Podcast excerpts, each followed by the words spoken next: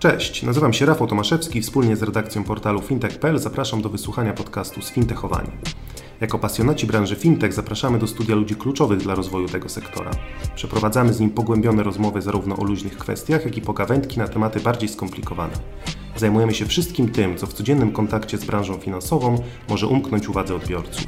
Codzienne newsy związane z fintechami, bankami czy innowacjami technologicznymi przeczytacie na fintech.pl oraz na naszej facebookowej grupie Sfintechowani.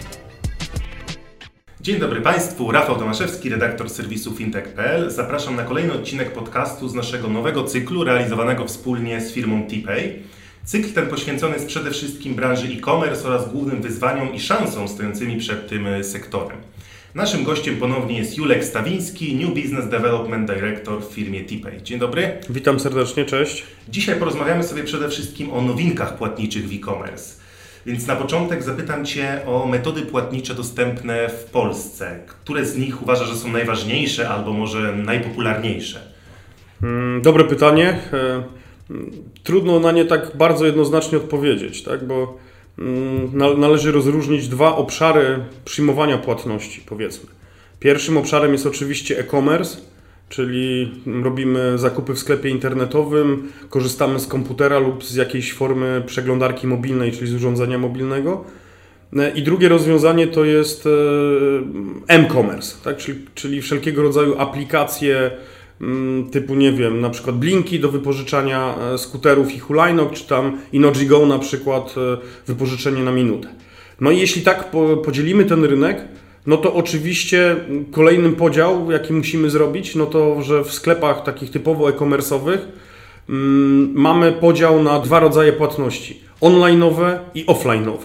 Czyli te offline'owe to nadal zwykły przelew na rachunek sklepu internetowego i płatność przy odbiorze. I to łącznie stanowi powiedzmy na ten moment między 35 a 40% e, wszystkich transakcji. Pozostała część, czyli jakieś 60%, są to właśnie te płatności online'owe w e-commerce. Myślę, że to jest mniej więcej taki poziom. Oczywiście zależy od branży, etc. Z kolei w aplikacjach mobilnych, tych najbardziej popularnych, tam przyjmujemy zasadę, że głównie albo wyłącznie, y, czyli w tym m-commerce mamy do czynienia z płatnościami online'owymi. I teraz, e, może łatwiej będzie mi wyjaśnić w przypadku płatności tych realizowanych w urządzeniach mobilnych czy w aplikacjach mobilnych, no to tam prym wiodą na chwilę obecną e, dwie metody płatnicze, tak? E, sprzeczamy się, czego jest więcej w zależności od modelu, no ale w Polsce najbardziej popularne jest podpięcie karty płatniczej i obciążanie tej karty w formie tam takiego rozwiązania na przykład e, one-clickowego, fachowo się to nazywa card on file, czyli zapisana karta płatnicza, a drugi to jest oczywiście blik. Tak? Oczywiście w ramach karty płatniczej można wyróżnić takie pokrewne metody jak Google Pay czy Apple Pay, tak? ale one są realizowane w oparciu o podpiętą kartę płatniczą w którymś z tych portfeli. Tak? Mamy tam jeszcze e, Visa Checkout e, czy tam Masterpassa. Tak? Mm, I, I tutaj najbardziej popularnymi na pewno są karty i blik, to jest zdecydowanie. Jeśli chodzi natomiast o ten szeroko pojęty e-commerce, czyli sklepy internetowe, i oczywiście jakieś firmy, które świadczą usługi online'owo, za które trzeba zapłacić w ten sposób, w chwili obecnej najbardziej popularną metodą to zdecydowanie jest oczywiście Blik w różnych tam formułach one-clickowych, w levelu 0 e, i pokrewnych. Na drugim miejscu są nadal dobrze trzymające się pay by linki, czyli rozwiązania dostarczane przy współpracy z bankami typu na przykład płać z ING, M-Transfer. E, no i trzecią metodą płatniczą jest tutaj powiedzmy e, karta płatnicza. Tak, abstrahując od tych metod, to można przyjąć założenie, że Blik osiągnął poziom mniej więcej 50%, około 30% mają pay by linki i 20% karty płatnicze. Oczywiście generalizuję, bo to w zależności od branży, wielkości transakcji na przykład i tak dalej. To teraz zapytam Cię troszkę z drugiej strony, bo zapytałem o te najpopularniejsze czy najważniejsze metody, to teraz zapytam o te, z których może należy się powoli wycofywać, które, które są nierozwojowe, które stwarzają więcej problemów niż korzyści. Czy są takie metody płatnicze? Tak, tak. E, chociażby no, zauważamy ostatnio, przynajmniej w TPay-u, taki trend, że Blik skutecznie e, jakby zwiększa swój wolumen udziałowy i wartościowy na rzecz pay by linków i troszeczkę kart płatniczych, więc można przyjąć założenie, że te pay by linki, one w którymś momencie e, po prostu zostaną, powiedzmy, no, nie, nie będą miały zastosowania. Tak? Klienci przejdą na inne metody płatnicze. E, natomiast też czasami się spotyka taką metodę albo metody w oparciu na przykład o wydrukuj i zapłać gdzieś na poczcie i tak dalej. Tak?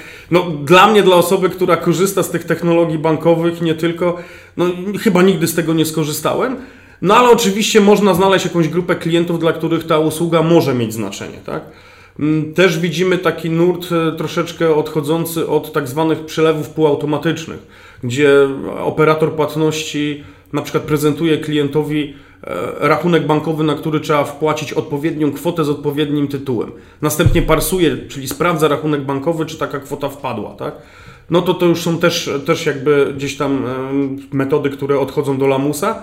E, no ja w chwili obecnej uważam, że jak mam tutaj głównym, głównym tym rozdającym karty na rynku metod płatniczych to jest właśnie ta metoda Bliku. Tak, Blika. A co z płatnościami za pobraniem? Ja wiem, że to nie jest do końca płatność online, ale jednak e, taką formę płatności też sklepy internetowe obsługują. I czy uważasz, że to jest dla nich spory problem? No, sprzedawca nie dostaje pieniędzy od razu w takiej sytuacji, dlatego mówi się, że to jest zmora e-commerce, płatności za pobraniem. I czy uważasz, że trochę Polacy odchodzą gdzieś od tego trendu, jednak bardziej skłaniając się do tych płatności online, czy te płatności za pobraniem wciąż są żywe i mają się dobrze? No tutaj akurat e, nawet ostatnio e, bodajże Allegro poinformowało o rozszerzeniu programu Smart, e, gdzie właśnie też jakby te, te, te poszerzenie, zmiana tego programu polegać będzie na tym, że będzie można zamawiać w ramach tego programu również zamówienia, tak, czy tam e, towary właśnie w formie zapłaty przy odbiorze. W związku z powyższym ta formuła nadal ona w Polsce jest e, w miarę stabilna i myślę, że, że, że sklepy internetowe nie powinny absolutnie z niej, z niej rezygnować. Z jakichś powodów e, klienci nadal wykorzystują tą formę uregulowania, czyli płatność przy odbiorze. A czy uważasz, że sklepy powinny wychowywać jakby swoich użytkowników w zakresie, w zakresie metod płatniczych, czyli powiedzmy yy, kierować jakoś tych swoich użytkowników, klientów, żeby korzystali z danej metody płatniczej, żeby jakby poświęcić swój czas czy środki na to, żeby tego klienta namówić, on na przykład skorzystaj z blika, skorzystaj z karty i tak dalej. Zdecydowanie tak. Y, wynika to po pierwsze z takich, nazwijmy to, dwóch elementów, tak?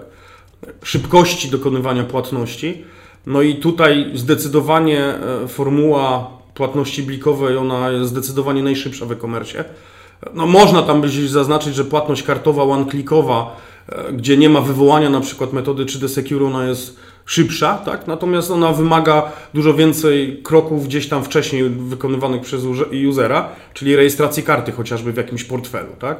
E, czyli ta szybkość, tak? ta szybkość i niezawodność metody to jest ta, ta, ta kluczowa, jeden, jeden z kluczowych elementów, a drugie to jest ekonomia E, ekonomia rozumiana jako taka, że na przykład u nas, ale też u naszych konkurentów, często różnicuje się prowizję w zależności od wybranej metody płatniczej. Tak? Wiadomo, sklep internetowy płaci za obsługę transakcji online'owych. E, no i są metody, które należą na przykład do tańszych od e, droższych na przykład. Tak? Tu trudno dyskutować, która w chwili obecnej metoda jest oczywiście tam najtańsza, bo wiele elementów o tym decyduje, ale sklepy powinny to analizować i to też ma ten aspekt taki, taki powiedzmy edukacyjny, tak? No, kiedyś panowała zasada, że im więcej metod płatniczych dostępnych, tym lepiej. Czy to wciąż, yy, wciąż funkcjonuje, czy raczej sklepy powinny się skupiać na tych kluczowych metodach płatniczych, czy lepiej udostępniać wciąż taki jak najszerszy wachlarz i im więcej, tym lepiej? No, na to pytanie trudno jednoznacznie odpowiedzieć. Tak? Dość przywrotne bym powiedział, dlatego że e, w chwili obecnej mamy sytuację zwiększonego ruchu e-commerce'owego, więc e, można przyjąć założenie, że bardzo dużo nowych klientów, czyli osób, które po raz pierwszy na przykład spotykają się z, z daną formą e, dokonania zakupu, czyli płatnością w internecie. No i dla nich oczywiście warto pokazać jak najwięcej metod, bo być może wśród nich znajdzie się jakaś tam przez nich preferowana albo znana, czy, czy też lubiana, tak? E, natomiast wszystkie jakby badania i, i, wnioski prowadzą do takiej konkluzji, że docelowo nie potrafię określić, czy to będzie kwestia dwóch, trzech, pięciu lat. No, nastąpi taka unifikacja metod płatniczych, tak? czyli będzie ich po prostu coraz, coraz to mniej. w chwili obecnej bym śmiało twierdzić, że w Polsce zostanie blik, płatności kartowe i jakaś formuła płatności odroczonych. Czyli PayPay linki raczej stopniowo będą, ich popularność będzie zanikać, tak? Na ten moment tak mi się wydaje. A co z mniej oczywistymi metodami płatności? Mam tutaj na myśli tak zwane egzotyczne metody płatności, czyli jakie według Ciebie można wymienić właśnie takie najbardziej egzotyczne i ciekawe metody płatności, z którymi się spotkałeś e, na świecie, o których słyszałeś? Generalnie interesuję się głównie takimi innowacyjnymi metodami. I na przykład ostatnio w Polsce gdzieś tam można zapłacić e, w terminalu płatniczym, na przykład poprzez e, zbliżenie twarzy tak, do tego terminala. Gdzieś tam jakiś odcisk palca, tak? No to mimo wszystko niektórzy mogą twierdzić, że, że są to te płatności takie powiedzmy e, właśnie egzotyczne. Tak? Dla mnie z kolei nie są to płatności egzotyczne, Natomiast nazwałbym płatnością egzotyczną taką płatność gdzieś tam po, polegającą na wydrukowaniu jakiegoś polecenia zapłaty, pójścia gdzieś do okienka pocztowego e, i, i, to jest dla mnie ta płatność, płatność egzotyczna. E, czy jakieś inne takie bardziej egzotyczne? No w Polsce że ciężko spotkać coś bardzo, bardzo no, takiego egzotycznego powiedzmy. Tak? Jasne. I teraz wróćmy na chwilę do Blika, bo wspomniałeś o nim i ciężko, ciężko mówiąc o płatnościach w e-commerce, zatrzymać się właśnie przy tym temacie. E, Blik powstał około 5 lat temu, no i było, było to coś nowego. Była to nowość na, na rynku. E, część ekspertów mogła wtedy myśleć, że to się nie uda, że nie warto rozwijać nowego systemu, że są już te systemy, są buylinki, są płatności kartami, no że po co wymyślać coś nowego, ale jednak e, udało się i to można powiedzieć tak z przytupem zaistnieć na tym rynku. Dlatego nie ulega wątpliwości, że warto śledzić te nowe trendy i rozwiązania ale jest y, tego na tyle dużo, że można się w tym pogubić, powstaje wiele dylematów, jak sobie z tym radzić, żeby monitorować e, te, te trendy. No i jak temu zaradzić? Jak jakby znaleźć jakiś złoty środek tutaj, Twoim zdaniem? E, myślę, że, że fakt taki, że Blikowi się udało w przeciągu tych pięciu lat zdobyć ten rynek e-commerce, moim zdaniem można mówić o dużym sukcesie już w chwili obecnej. Tak? Nikt nie ma wątpliwości, że, że Blik jest tą metodą wiodącą w chwili obecnej. No, do, do te, na ten sukces złożyło się kilka, kilka takich moim zdaniem istotnych elementów. Po pierwsze, e, Blik jest inicjowany w gruncie rzeczy jako metoda płatnicza przez klienta z poziomu smartfona, tak? czyli trzeba otworzyć aplikację mobilną bankową. E, I to jest pierwsza przewaga. Dlaczego? Dlatego, że zawsze ten telefon mamy gdzieś przy sobie. Tak? W międzyczasie zmieniał się model zakupowy klienta. Ja to nazywam z takiego stacjonarnego typu siedzę przy komputerze, przy gdzieś przy biurku na model kanapowy, czyli przeglądam sobie towary na, tej, na tym telefonie komórkowym, niekoniecznie odpalam laptopa czy siadam do komputera, bo mi się nie chce, tak? I w efekcie śledzenie tych trendów, takich zachowań konsumentów, ono musi być realizowane przez cały czas. No i, i, i Blik tutaj wskoczył idealnie, tak? Bo zaoferował bardzo szybką metodę, metodę, która jest bardzo bezpieczna, bo jest oparta o unikalny sześciocyfrowy kod e, Blik. E, no i jakby jest jednym z pierwszych takich rozwiązań, myślę, że w Europie w ogóle, gdzie e, jakby obciążenie transakcji jest realizowane bezpośrednio z rachunku bankowego bez wykorzystania jakiegoś dodatkowego tutaj, nie wiem, instrumentu płatniczego, jakim jest na przykład karta płatnicza, tak? Więc tu zyskuje po pierwsze na bezpieczeństwie i na szybkości. Wyłapanie takich trendów jest niesłychanie trudne. Ja widzę w Polsce jeden taki trend, który zaczyna się rozwijać i, i myślę, że, że, że będziemy go śledzić bardzo intensywnie. To jest wykorzystanie QR-kodów. E, QR kod w chwili obecnej on co prawda powoduje, powoduje zazwyczaj otwarcie jakiejś strony internetowej, gdzie się dokonuje transakcji, ale można sobie wyobrazić w niedalekiej przyszłości, że no, otwarcie QR kodu spowoduje od razu e, pokazanie szczegółów transakcji i, i wykonana akcja zatwierdzania, zatwierdzenia tego przelewu przez klienta będzie tożsama z wykonaniem płatności. Tak? Więc to jest taki trend, który moim zdaniem należy śledzić.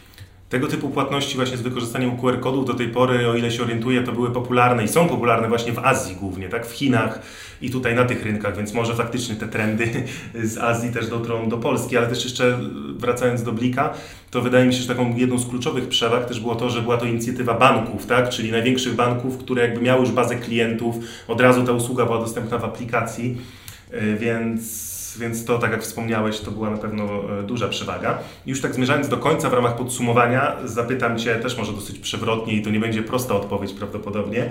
Czy Twoim zdaniem warto marnować w cudzysłowie e, czas na nowinki płatnicze w e-commerce, na pracę nad tymi nowinkami, nad wyłapywaniem ich i tak dalej? E, no faktycznie przewrotne pytanie. E, to zależy, tak? Bo e, oczywiście e, można przyjąć założenie, że część e, metod płatniczych, których, które udostępniają takie firmy jak, jak TPay, e, w sposobie swojej implementacji jest stosunkowo prosta. No to wtedy, jeśli faktycznie e, integracja takiej metody, wdrożenie takiej metody i udostępnienie jest proste, no to myślę, że, że, że trzeba podejmować to ryzyko. Tak? W momencie z kolei, kiedy ta implementa- implementacja tej metody i wdrożenie okazuje się być bardzo czasochłonne, no to myślę, że, że należałoby tutaj się wstrzymywać i oczekiwać jakiejś takiej potrzeby rynkowej już bardzo wyraźnej w chwili obecnej. Jasne. I myślę, że na tym możemy zakończyć naszą rozmowę. Gościem podcastu fintech.pl był Julek Stawiński, New Business Development Director w firmie TPay. Dziękuję bardzo. Dziękuję. Ja nazywam się Rafał Tomaszewski i zapraszam na kolejną audycję już wkrótce.